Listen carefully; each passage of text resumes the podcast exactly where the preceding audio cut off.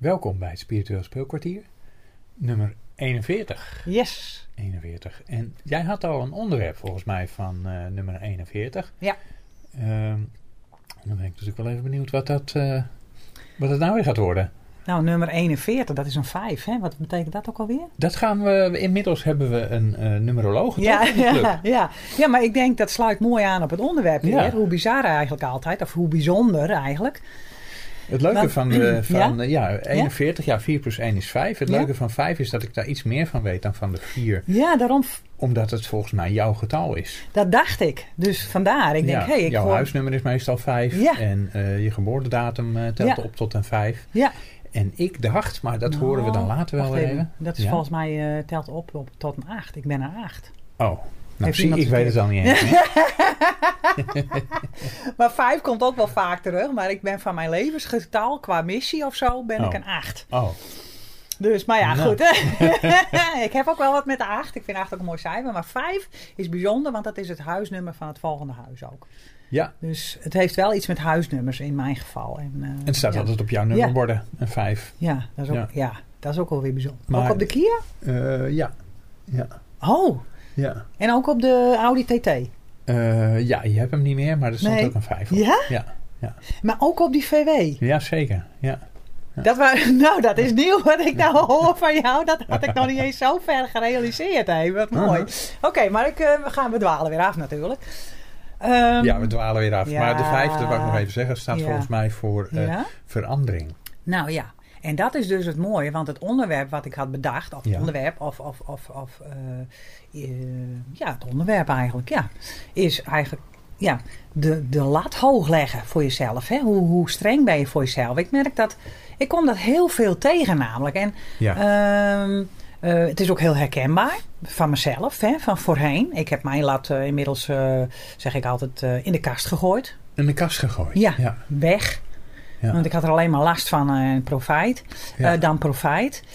En, ehm, maar ik kom het ook heel vaak ook tegen bij de leden in de FGA. En het maakt niet uit hoe oud ze zijn. Hè? Het Nee. zijn, zijn 40ers, 30ers, maar ook 50ers, 60ers die het zichzelf moeilijk maken. Maar zelfs 70ers Ja.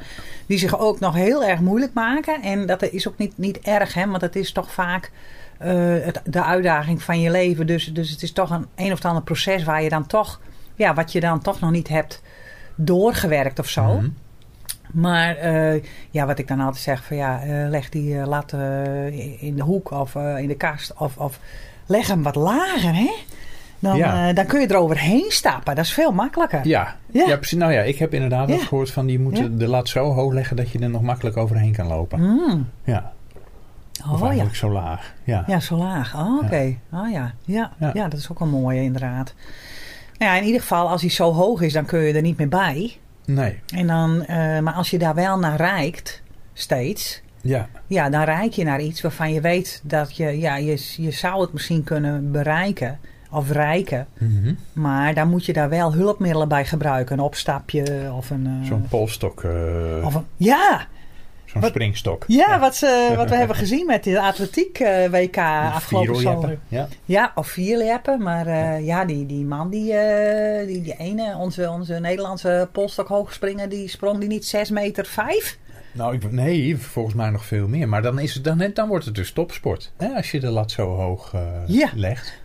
En dan topsport is helemaal niet gezond. Dat weten we ook allemaal. Nee, maar dat is ook zo. We hebben ook wel veel eh, gekeken. eh, nou, tenminste ik dan, maar jij ook natuurlijk bij de, hè, bij het WK. En, en eh, er was ook nog iets van, eh, nee, niet Olympische Spelen, maar er was nog iets. Het WK zwemmen was er en het WK atletiek. En dat vind ik altijd wel heel leuk om naar te kijken. Maar sporters leggen inderdaad de lat heel hoog. Voor zichzelf en moeten ook een bepaalde mindset hebben Ja. Om eh, ja, die resultaten te behalen. Omdat ze eigenlijk de rest van hun eh, dagelijks leven daarop in moeten richten. Ja. Dus, dus als je het hebt over top, topsporters zoals eh, ja, schaatsers, eh, schaatsers, schaatsters, voetballers, voetbalsters op hoog niveau. En als ze dan in één keer, eh, ja, op een gegeven moment houdt dat op. Hè? Op een gegeven moment is die rek eruit, houdt het op. Het lichaam kan het niet meer aan of ze kiezen voor wat anders. Hè? Dan zijn ze 30 jaar. Nou, sommigen hebben een studie gedaan, maar ze vallen wel in een gat daarna. Ja. Omdat ze eigenlijk hun hele leven daarop ingericht hebben. Ja. En, en als ik dan kijk naar ons dagelijks leven, mijn dagelijks leven. En ook als ik kijk binnen de FGA, alle eh, vrouwen en de mannen natuurlijk ook. eh, ja, het, is niet erg om, om, om, om de lat een beetje te hoog eh, te leggen. Maar het wordt een probleem als het je steeds teleurstelt. En als je gewoon ja, daar niet goed mee kan omgaan. Want Mhm. dat is het, hè? En, Mhm. en als je er steeds naar streeft, dan, dan ja. Ja. En, en, en, en, en het lukt je niet om daar je leven op in te richten om dat te behalen. Hè? Hoe graag wil Ja. je dat? Hoe, maar hoe belangrijk is datgene ook voor je? Hè? In Ja. wat voor opzicht leg je de lat te hoog? Hè? Leg je dat eh, op, op fysieke gezondheid, Ja. eh, op werkgebied, hè? in je baan, hè? voor je baans werken Mhm. of je eigen bedrijf.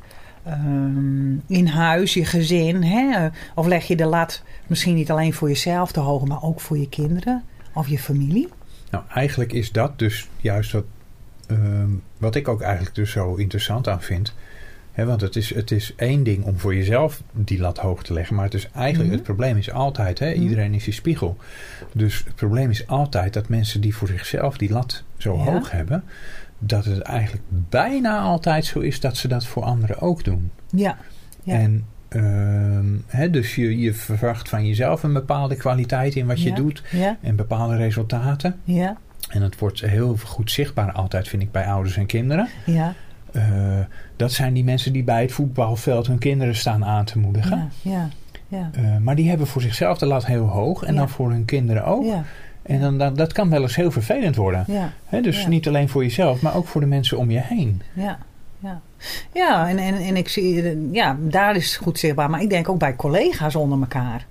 Ja, absoluut. Ja, Hè? En, Ja. en, en, eh, daar heb ik hele vette, ja, dikke ervaringen mee. Ja, Met collega's die... eh, ja, ja, Ja, nou ja, ik, ik ook. En, en eh, ik bedoel, ik heb jaren in de zorg gewerkt met heel veel liefde trouwens. Het werk zelf en zeker met mensen omgaan. ja. En dan mensen helpen en een, een fijne dag bezorgen en wat leed te ontnemen.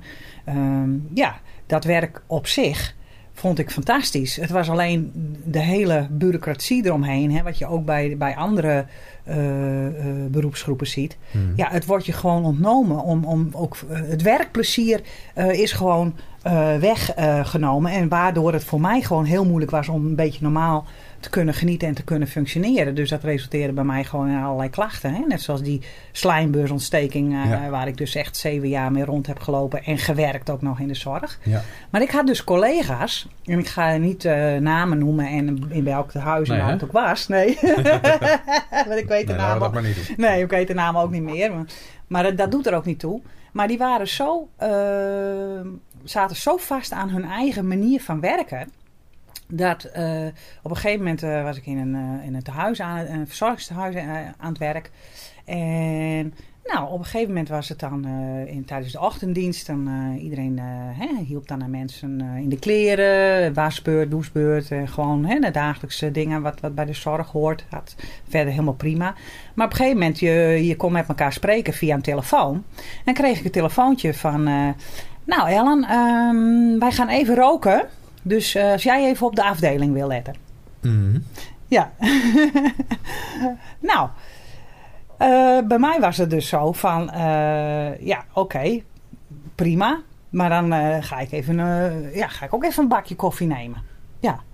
Maar, Ja. maar waar gaat het nu om? Later was het dan zo van, hé, hey, het is etenstijd Ellen, kom je nu ook? Mhm. Ja, nee, want het werk is nog niet klaar. Want we hebben ook pauze tussendoor genomen. Ja, ik ga die mevrouw of die meneer eerst gewoon eh, helemaal helpen. En die laat ik niet half bloot in bed eh, gewoon eh, in de... Dus dan heb je het niet zozeer over de lat hoog leggen, maar wel over, ehm, hoe noem je dat? Controle dingetjes. Dat ze, hè, want daarna waren die collega's dus, ja, die waren daar helemaal niet blij mee. Dat ik niet volgens de regels van Ja. ja, dat team ging werken. ja, precies. Dat is ook een manier van de lat hoog leggen. Ja, gewoon in het team gezien. Hè? De Ja. manier van werken dan eventjes. Ja. En, en, en nou ja, ik voldeed daar dan niet aan. Nee.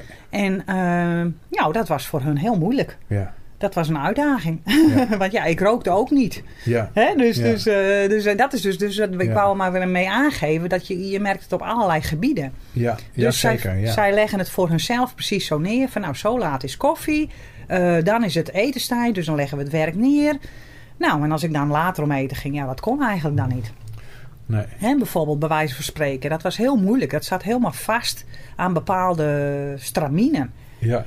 En, en zeker als mensen heel lang in bepaalde werkzaamheden zitten, dan, eh, ja, als je dat dan verwacht van jezelf, een bepaalde manier van werken Mhm. of een bepaalde manier van omgang, Mhm, hè, mhm. dat kun je, je kunt het ook gezien familie in binnen Nou familie. ja, ja, dit, Kun je ook, nou, dit kun je doortrekken naar inderdaad ouders en kinderen. Ja, hè, waar- waarin ze dus hun eigen ouders, eh, ja, dat wat zij hebben geleerd over hoe het moet, ja, doortrekken naar hun kinderen. Ja. En dat is ook weer een hele vervelende manier van, van de lat hoog Ja. leggen. ja, Want uiteindelijk moeten we toch allemaal zelf onze eh, eh, normen en daarbij ja. behorende waarden en andersom uitzoeken. uitzoeken, En toch? uitvogelen, ja. Ja. En zeker, kijk, als kind zijnde in eerste instantie heb je, hè, neem je de referen- referentiekader aan van je ouders. Omdat je eerst